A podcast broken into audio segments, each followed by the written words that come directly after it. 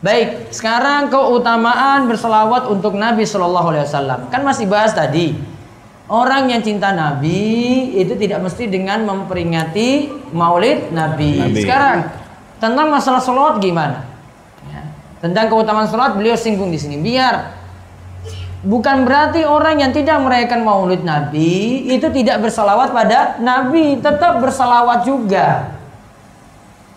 Namun tidak dikhususkan hanya pada malam maulid. Ya, tidak dikhususkan hanya pada malam maulid. Bebas waktunya. Dan ada waktu-waktu tertentu untuk bersolawat yang Nabi SAW itu anjurkan bagi kita untuk bersolawat. Sekarang kita lihat Allah berfirman. Allah berfirman, sesungguhnya Allah dan malaikat-malaikatnya bersolawat kepada Nabi. Wahai orang-orang beriman, bersolawatlah kalian untuk Nabi dan ucapkanlah salam penghormatan kepada beliau. Quran Surat Al-Azab ayat 56 Al-Bukhari meriwayatkan bahwa Abu Aliyah berkata Allah bersolawat untuk Nabi. Maksudnya ialah Allah memuji-muji beliau di hadapan para malaikat.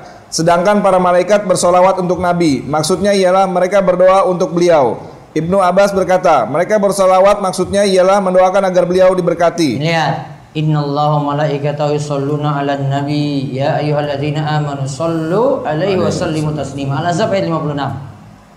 Apa maksud ayat ini? Lihat. Abdul Aliyah katakan Allah bersalawat untuk Nabi. Maksudnya Allah memuji-muji Nabi Sallallahu Alaihi Wasallam di hadapan para malaikat. Para malaikat juga bersalawat untuk Nabi. Maksudnya adalah para malaikat berdoa untuk Nabi, Nabi. kebaikan untuk Nabi. Ibnu Abbas juga terangkan, mereka bersolawat maksudnya adalah mereka tadi mendoakan agar beliau Nabi SAW diberkahi. Sekarang lihat, jadi Jadi maksud ayat di atas sebagaimana dijelaskan oleh Ibnu Katsir di dalam kitab tafsirnya yaitu sesungguhnya Allah Ta'ala mengabarkan kepada kita sekalian tentang kedudukan seseorang hambanya, Nabi dan kekasihnya yang berada di sisinya di alam ruh bahwa dia memuji-mujinya di hadapan para malaikat dan para malaikat pun bersolawat untuknya. Kemudian Allah Ta'ala memerintahkan penghuni dunia ini agar turut serta bersolawat untuknya. Sehingga puji-pujian pun mengalir untuknya dari segenap penjuru alam. Di dalam ayat di atas Allah memerintahkan kita untuk berdoa dan bersolawat untuk Nabi Shallallahu Alaihi Wasallam, bukan malah berdoa dan meminta kepada beliau seakan-akan menjadikan beliau Tuhan selain Allah atau membacakan bacaan Al-Fatihah untuk beliau, sebagaimana dilakukan oleh sebagian orang. Nah, beliau singgung nih, ya Allah ini kena banget ini. Nah, kita itu disuruh berselawat untuk Nabi SAW, mendoakan na- Nabi. bukan satu meminta doa ya ini di sini ya, bukan malah berdoa ditujukan kepada Nabi. Kesalahan satu berarti. Kayak tadi kan ada syair yang diucapkan ketika perayaan Maulid kan tadi ada. Itu kan ada isi doanya minta doa kepada Nabi, minta langsung Nabi yang kabulkan. Mereka yakini. Satu, kesalahan yang kedua apa? Kirim Al-Fatihah. Apa gimana lafaznya itu ya? Ila Ila hadrati Muhammad gitu. Ila hadrati nabiyina Al-Fatihah. Nah, ini kata beliau apa? Ada ketambahan apa? Apa tadi kalimatnya? Ila Ya sudah lupa alhamdulillah berarti. ya, beliau katakan membacakan bacaan Al-Fatihah ya tadi itu ila hadrati Muhammad tadi. Untuk beliau itu juga tidak perlu Kenapa? Tidak ada tuntunan, gampang sekali. Sahabat nggak pernah lakukan kayak gitu. Sahabat Abu Bakar kumpul, Umar kumpul, Utsman kumpul, Ali kumpul. Ayo, kita semua kirim Al-Fatihah untuk Nabi. Pernah nggak dengar kayak gitu? Nggak ada. Maka nggak perlu. Apalagi menurut keyakinan ulama Syafi'iyah kirim bacaan Al-Quran untuk orang mati itu nggak nyampe. Mazhab apa tadi? Syafi'i. Syafi'i itu ada di mana coba? Indonesia. Langgar nggak berarti? Melanggar. Lihat tafsir Ibnu Katsir sebutkan itu. Wa alaisal insani illa masa. Manusia tidaklah mendapatkan kecuali apa yang ia usahakan. Ibnu Katsir terangkan tentang ayat ini. Bahasanya kirim bacaan Al-Quran pada orang mati itu tidak sampai. Karena butuh dalil untuk nyampainya. Yang ada dalilnya apa? Sodako atas nama orang mati, nyampe, doa ditujukan untuk doakan kebaikan untuknya, nyampe. Bayar utang puasa, lunas. Badal haji untuk dia, nyampe. Apalagi? Korban, menurut sebagian ulama, nyampe juga untuk dia. Korban atas nama orang yang meninggal dunia. Nyampe. Ada dalilnya. Kalau kirim Al-Fatihah, kirim bacaan Al-Quran, ya tidak ada dalil yang mendukung hal ini. Terus Ustadz di masyarakat saya kok masih kayak gitu? Sabar. Paham nggak? Nah ini bapak banyak hadir ini tokoh-tokoh ini. Itu bukan berarti sampai ini ya PR-nya banyak, banyak nggak? Ini uang Gunung Kidul ini loh, banyak PR nggak? Banyak. Tugasnya mikir di rumah gitu ini gimana nih masyarakat saya. Bukan berarti ditinggalkan, wah masyarakat saya ini semua sudah dolala itu finar semuanya. Yang kayak gitu, pelan-pelan.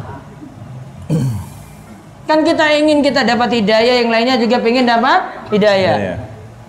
Ini paham nggak ini uang Gunung Kidul ini, Delingo, mau giri, Bantul, paham? Wis ngantuk ya meneh. Oh bermaam lagi ya Allah. Harusnya lapar-lapar sekalian itu boleh bermakan itu ya. Terus di bawahnya lagi. Bacaan solawat yang paling afdol untuk kita sampaikan kepada beliau adalah bacaan solawat sebagaimana yang beliau ajarkan kepada para sahabat, yaitu Allahumma salli ala Muhammad wa ala ali Muhammad kama sallaita ala Ibrahim wa ala ali Ibrahim innaka Hamidum Majid. Allahumma wa barik ala Muhammad wa ala ali Muhammad kama barak kama barakta ala Ibrahim wa ala ali Ibrahim innaka Hamidum Majid. Wahai Allah, berilah salawat untuk Muhammad dan keluarga Muhammad sebagaimana engkau telah memberi salawat untuk Ibrahim dan keluarga Ibrahim. Sesungguhnya engkau maha terpuji lagi maha mulia. Wahai Allah, berilah berkah kepada Muhammad dan kepada keluarga Muhammad sebagaimana engkau telah memberi berkah kepada Ibrahim dan keluarga Ibrahim. Sesungguhnya engkau maha terpuji lagi maha mulia. Bacaan solawat di atas juga bacaan solawat-solawat lain yang terdapat di dalam kitab-kitab hadis dan kitab-kitab fikih yang terpercaya. Tidak ada satupun yang menyebutkan tambahan Sayyidina. Nah, di garis bawahi bacaan solawatnya tidak pakai Sayyidina. Jadi kalau baca saat tahiyat tadi, nggih, tadi tahiyat, bukan Allahumma sholli ala Sayyidina Muhammad. Yang pakai Sayyidina dihapus Sayyidinanya itu. Tidak ada dalam riwayat. Gampang dalilnya, tidak ada dalam riwayat hadis. Gak usah nambah-nambah. Kalau di buku-buku lawas itu ada, buku-buku lama ada tuntunan sholat, ada Allahumma sholli ala Sayyidina Muhammad. Ya, itu nggak ada dihapus. Coba lihat kelanjutannya, seperti Seperti yang biasa dibaca oleh sebagian orang. Memang benar Rasulullah Shallallahu Alaihi Wasallam adalah Said atau penghulu kita, tapi membaca solawat dengan mencukupkan diri sebagaimana diajarkan Rasulullah Shallallahu Alaihi Wasallam adalah wajib. Karena ibadah itu dilakukan berdasarkan nas agama, bukan berdasarkan akal. Nah, pakai logika nggak bisa kalau kita beragama itu. Musab khuf saja sepatu. Saat kita diberi keringanan masih pakai sepatu ketika itu atau kos kaki. Musabnya bagian atas. Logika nggak masuk. Yang injak tanah kok yang bagian bawah kok yang diusap atas. Kan punggung sepatu, yang atas itu yang diusap. Bukan yang bawah yang injak tanah. Logika nggak masuk di situ. Bukan urusan logika masuk di sini. Urusan ibadah itu urusan manut pada tuntunan, manut nggak pada nas agama. Nggak bisa main-main logika ini. Apa-apa kalau pakai logika rusak semua. Kan sholat subuh kok cuma dua rakaat, bukannya subuh itu lebih semangat dibandingkan dengan zuhur. Zuhur itu sudah malas-malas, tadi perut kenyang. Suruh sholat banyak-banyak. Coba lihat. Alasannya kan logikanya orang masuk kayak gitu. Namun nggak bisa. Manut pokoknya subuh dua rakaat, zuhur empat rakaat, manut aja selesai. Nah lihat, maka tadi tidak ada lapat Sayyidina ya sudah manut. Satu lagi hadis di bawahnya. Rasulullah SAW bersabda, Bila kalian mendengar orang azan, maka jawablah seperti apa yang dia ucapkan. Lalu bersolawatlah untukku. Karena sesungguhnya barang siapa yang bersolawat untukku satu kali, maka Allah akan memberi solawat untuknya sepuluh kali. Kemudian mohonlah wasilah untukku, karena wasilah adalah merupakan tempat kedudukan di surga yang tidak pantas diberikan kepada siapa pun kecuali kepada salah seorang hamba di antara hamba-hambanya dan aku berharap hamba yang akan mendapatkan wasilah itu adalah aku. Barang siapa memintakan wasilah untukku, maka dia berhak mendapatkan syafaatku. Berarti setelah azan kita berdoa di antara faedahnya adalah mudah dapat syafaat Nabi nanti pada hari kiamat. Terus di bawahnya lagi. Doa memintakan wasilah seperti yang dijelaskan di dalam hadis di atas yaitu diucapkan sudah azan atau sesudah mengucap solawat untuk Nabi Shallallahu Alaihi Wasallam yang terkadang ditambah juga solawat untuk Ibrahim itu dibaca secara pelan. Doa yang dimaksud bunyinya adalah wahai Allah Tuhan pemilik seruan azan dan solat yang akan didirikan ini berilah wasilah dan keutamaan untuk Muhammad dan tempatkanlah dia di tempat yang terpuji sebagaimana yang telah engkau janjikan. Nah, ini doa ba'da adzan. Allahumma rabb hadhihi da'wati tammah was salatil qa'imah ati Muhammadin wasilatul fadilah wa ba'atsu maqama mahmud alladzi wa'atta. Riwayat yang lain ada tambahan namun sebagian ulama mendhaifkannya. Innaka la tukhliful mi'ad. Ada yang sahihkan ada yang dhaifkan riwayat ini. Namun tadi lihat, ada kata Muhammad sama setelah azan ini juga tidak pakai Sayyidina, bukan ati Sayyidina Muhammad bukan. Langsung saja ati Muhammad. Terus baca salawat. Membaca salawat untuk Nabi Shallallahu Alaihi Wasallam ketika hendak berdoa juga dianjurkan. Hal ini berdasarkan sabda Rasulullah Shallallahu Alaihi Wasallam. Setiap doa akan terhalang sebelum dibacakan salawat untuk Nabi. Hadis ini Hasan diriwayatkan oleh Al Bahiki.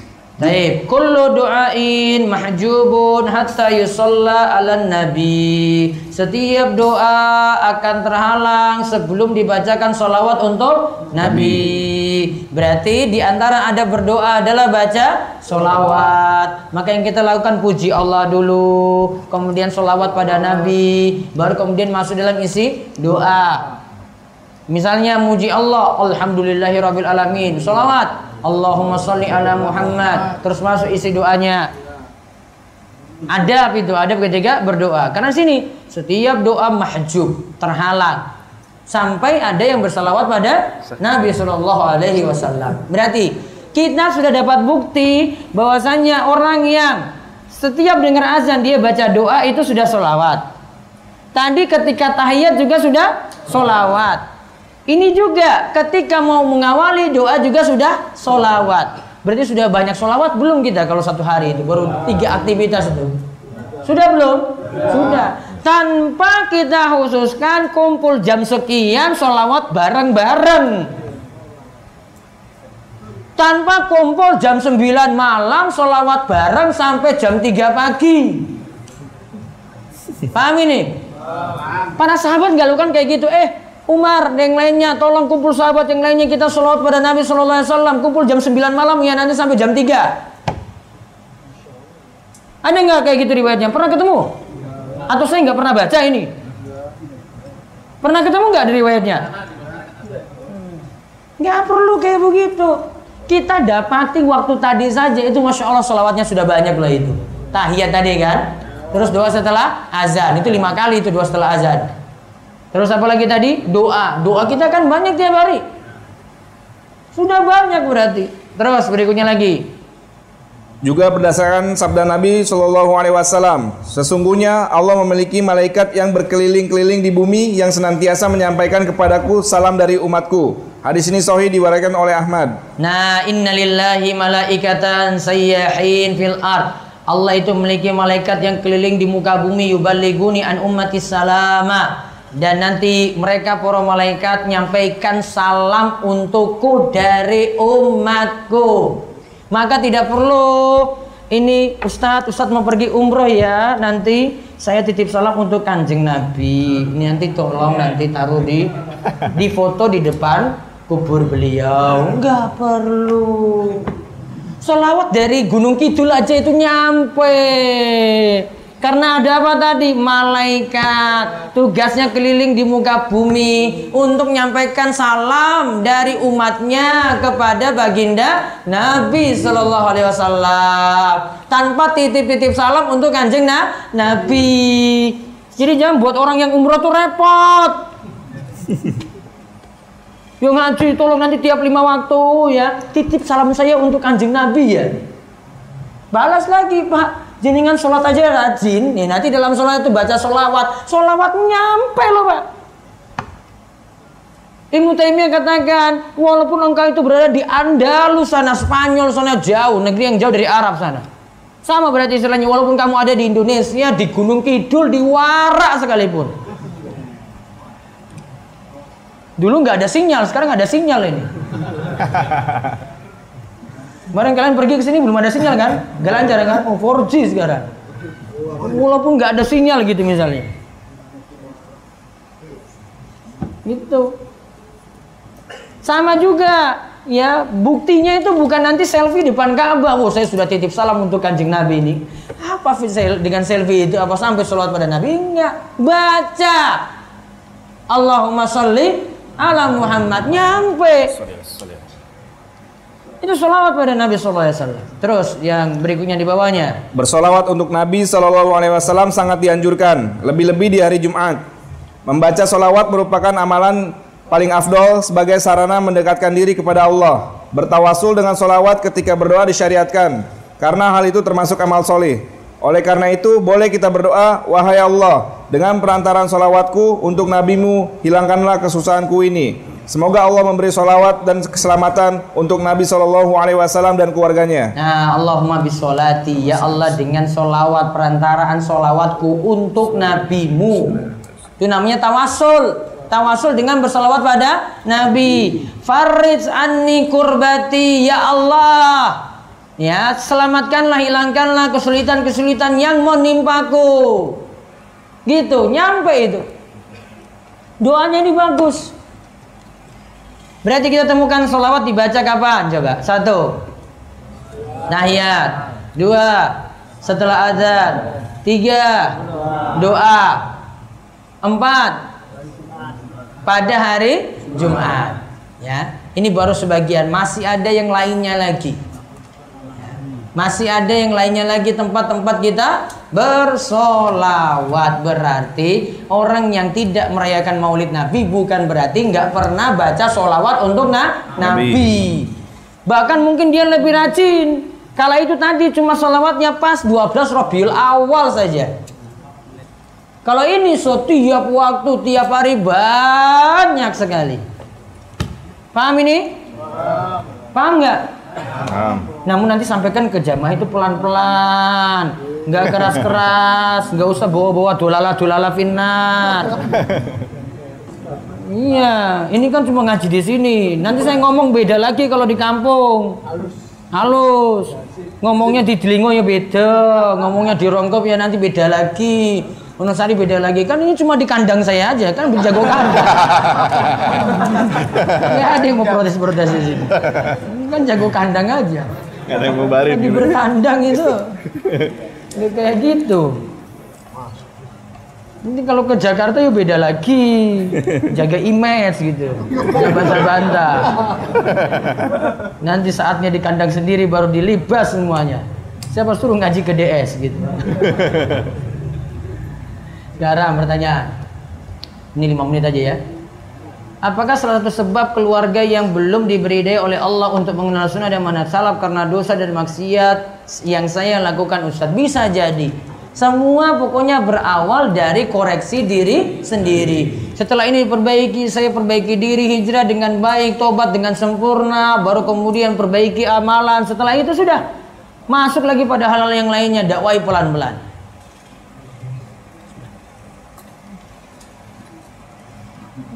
Siapa yang disebut ahlul bid'ah terutama yang disebut ahlul bid'ah itu adalah yang jadi tokohnya yang menyuarakan gitu Kalau baru pengikut saja itu nggak nyampe dalam istilah ini karena ada yang ngikut cuma takut kalau saya nggak hadir nanti dimarahin sama Pak Kiai. Saya nggak ikut baca, nggak ikut berjanjinan, nggak ikut apa lagi? Hah?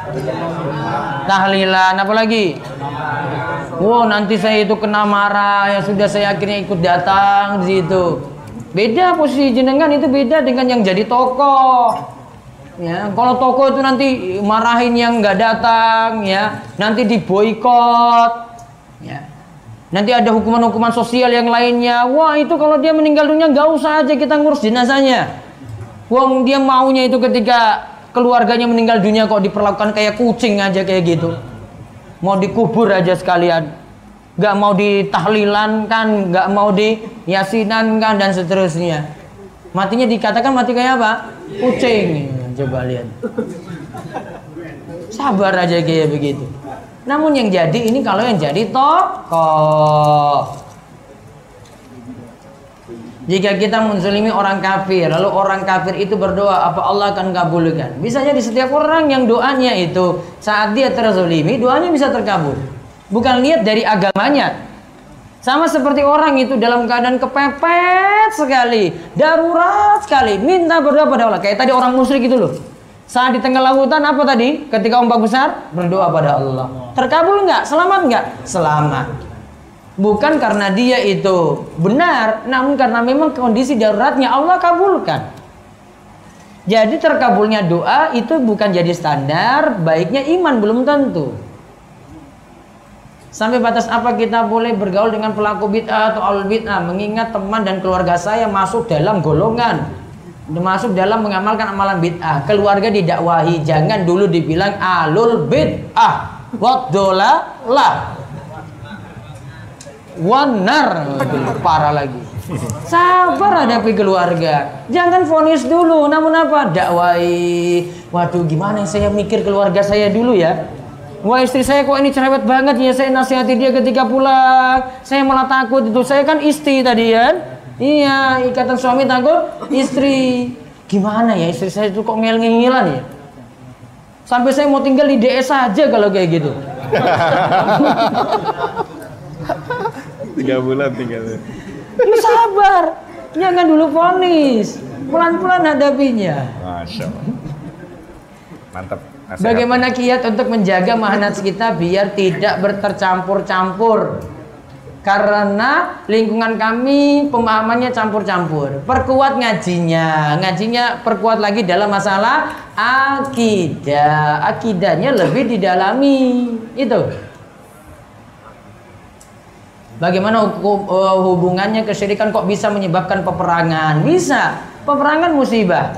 Tsunami juga musibah. Gara-gara kesyirikan bisa terjadi peperangan, gara-gara kesyirikan bisa terjadi tsunami dan yang lainnya.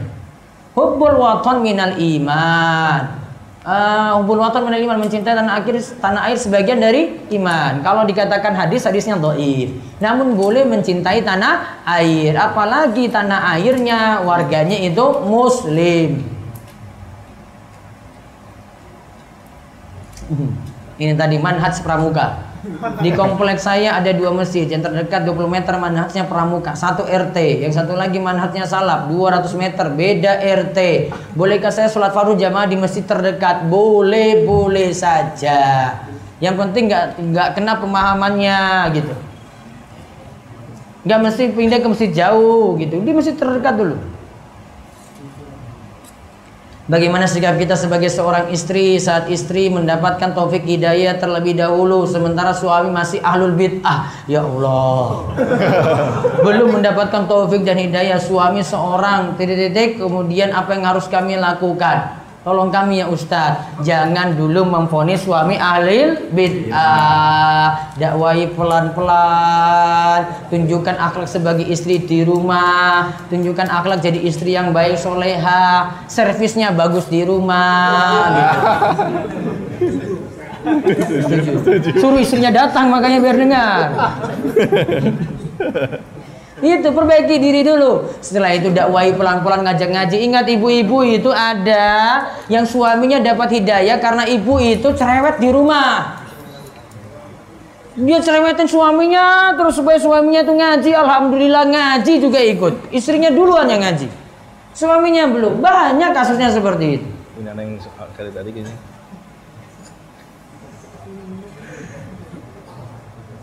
Punya anak juga kalau nggak salah berdua.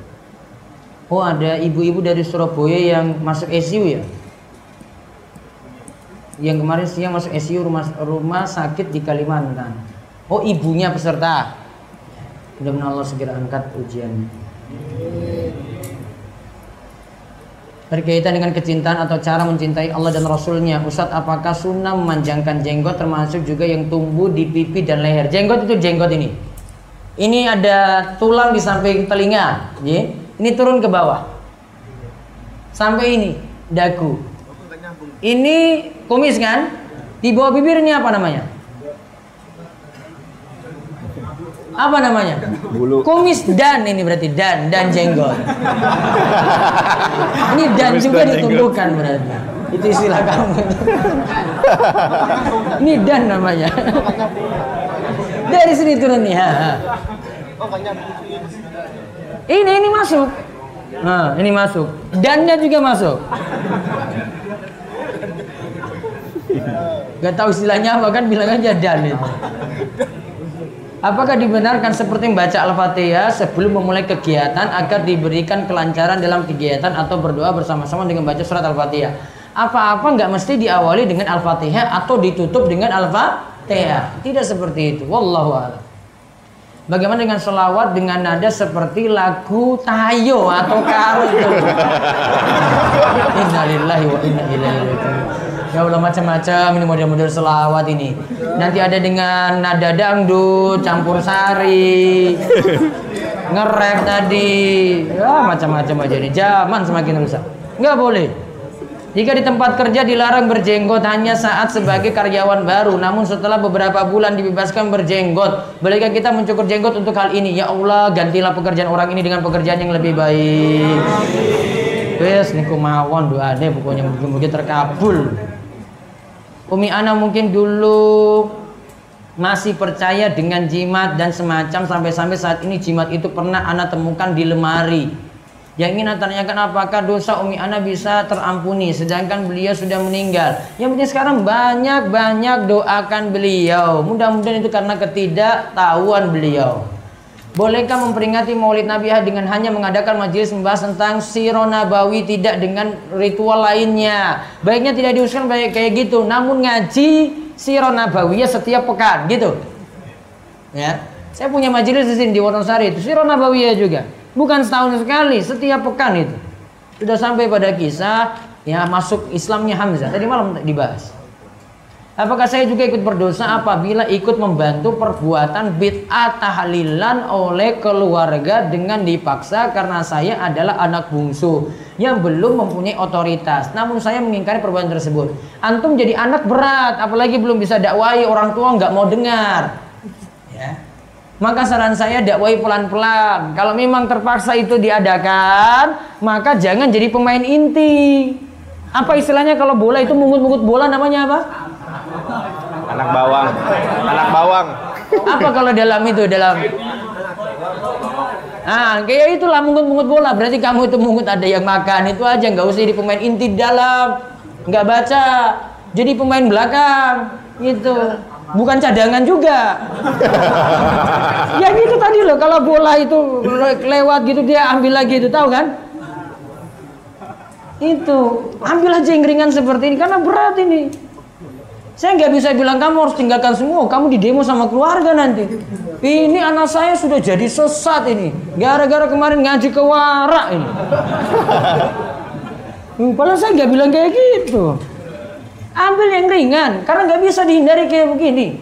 Beda kalau jenengan posisinya kalau ada orang yang bisa ngomong langsung gitu, beda. Mau datang kayak tidak kayak dia cuek aja, sudah beritahu kok. Nah kalau sebagai anak ya manut berarti dia belum bisa ingkari. Makanya tadi di bagian luar ya duduk di pawon aja gitu. Kan tuan rumah juga kan? Duduk di dapur aja. Ya. Rebus air kayak gitu aja. Buat teh yang penting nggak keluarin rokok aja gitu. Wah ini pertanyaan yang bagus nih saking Mbah Rois ini. Saya sebagai rois pernah dimintai tolong untuk menyembelih seekor kambing. Dia mengatakan tujuannya untuk sedekah dan mohon bantuan doa supaya ya, dan pekerjaannya selamat di laut. Kapal dan pekerjaannya selamat di laut. Tapi kita mendengar di lain waktu ternyata kepala kambing dibuang ke laut. Oh ini nanti jadi sedekah laut jadi ini. Nggak boleh Mbak Rois bantu walaupun jangan pakai pecis terus potong baca bismillah. ya, tujuannya tadi ingat, sembeli punya dua kesalahan kalau ini untuk selain Allah. Satu, dilihat dari niat. Niatnya pada selain Allah syirik. Yang kedua, dilihat dari ditujukan kepada siapa. Kalau tujukan kepada cuma acara makan-makan, beda. Namun ditujukan untuk sedekah laut, ya berarti jadi syirik. Maka nggak boleh bantu. Terus jadi Mbak Rois gimana? Nolak untuk hal itu. Dan sekaligus didik masyarakatnya biar paham. Ini Mbak Rois nggak mau. Ya, ini orang-orang luar nih tahu istilah Mbak Rois apa? Gak tahu. Mbak Rois itu yang ngurus ya kegiatan-kegiatan masyarakat, yang mandikan jenazah, ngapani, itu namanya Mbak Rois. Sama dengan kaum kan? Nah, sini disebut Mbak Rois. Ini ada tokoh-tokoh Rois ini semuanya ini ada. Ya, yang sepuh-sepuh itu ada yang jadi Rois di sini. Itu tokoh penting itu. Itu sudah ngaji alhamdulillah. Ini mereka ubah itu pelan-pelan. Wah, dulu itu lebih rusak lagi. Ya kan sekarang sudah pelan-pelan tuh mbak. Ya kan? Nah itu rois juga itu. Luar-luar tuh rois-rois semua itu pada ngaji Terus paham. Walaupun di demo warga itu. Ada. Kalau yang sepuh-sepuh itu Masya Allah itu. Tokoh-tokoh penting. Jadi kalau di DS itu menerima takmir-takmir untuk belajar, itu pulang itu ngulang itu untuk warga itu loh lihat mereka yang ngisi kultum, khutbah Jumat itu lebih kena. Mereka pakai bahasa mereka masuk ke masyarakatnya sendiri. Hmm, kalau mau dakwah itu kayak gitu, tokoh-tokohnya dikumpulin. Ya. Apa disogok toh, Mbak? Disogok apa? Hah? Disogok apa? Apa apa tuh? Apem, kue apem. Rokok, sogok rokok. Kalau itu tokoh Muhammadiyah itu yang sini tuh dulu Jalan. apa PCM apa? Bagian apa Pak? Tablik? Kalau jenengan juga tak wakaf Pak Nardi Pak Nasir? Tak tablik kok. Hah? tablik kan? Bukan jamaah tablik bagian tablik di kalau di beda. Orang kurus itu. Uh, pintar ceramah itu mau ceramah sama beliau. Punya anak putri juga ya. Nah, mumpung itu ada ibu ibu Rojodo di bawah itu yang putri-putri dikati ibu Biro Jodoh itu nyetor itu. Mas-mas nanti bisa hubungi saya lagi ya. Ada solusi solusi. Demikian istirahat dulu ya. Ini setelah ini nggak ada acara. Kita juga nggak kasih fasilitas ke pantai. Antum mau bolak balik di sini nggak mau bersihin lapangan kayak mau ngapain kayak terserah. Malam baru ada acara, maghrib baru keluar makan malam, terus uh, habis isya kumpul ke lapangan untuk DS ceria. Adapun ada malam ini. Terus untuk kegiatan besok pagi mulai jam 5 Nanti bapak-bapak yang nggak nginap, kalau Gunung Kidul kan pulang aja kan? Dicari istri nanti pak, pulang aja gak bapak? nanti datang jam 5 5 kita terang loh, padang loh. Ya, jam 5 ngajinya sampai jam 7. Nanti kita siap-siap berangkat ke Rongkop ya untuk ngaji di sana sekalian piknik. Ya, dengan uh, jamaah yang ada di sini makanya nanti daftar dulu nanti sampai siang di pantai Wediombo. Makanya sekarang nggak boleh ke pantai dulu, istirahat dulu biar diforsir untuk besok. Besok mau jungkir balik, mau salto, mau terbang, terserah dengan besok. Ya, ya. Perpus nanti agak sore baru saya buka, insya Allah. Namun perpus nggak boleh nyentuh buku Arab. Ya, nyentuh buku Arab nanti kalian jadi sesat malam nanti itu. Nggak paham-paham. Kalau sudah paham nggak apa-apa. Namun bukunya jangan disentuh dulu yang Arabnya itu. Saya bingung nanti kalau mau buka referensi karena saya yang tahu letaknya sendiri. Ya sudah apa letaknya kalau bukunya tercecer mana ini bahasa Indonesia aja. Bahasa Indonesia atau buku teknik kimia itu aja baca di atas. Beratak mojo. ya itu saja. Ibu-ibu nanti siap-siap ya 15 menit lagi kalau mau ikut ke pelayan di Masjid Besar Al Huda nanti ada bis yang sudah siap namun daftar sesuai yang ikut nanti. Demikian kita tutup kalian doa kafaratul majelis monggo. Subhanakallahumma wa bihamdika asyhadu an la ilaha anta astaghfiruka wa atubu ilaik. Assalamualaikum warahmatullahi wabarakatuh.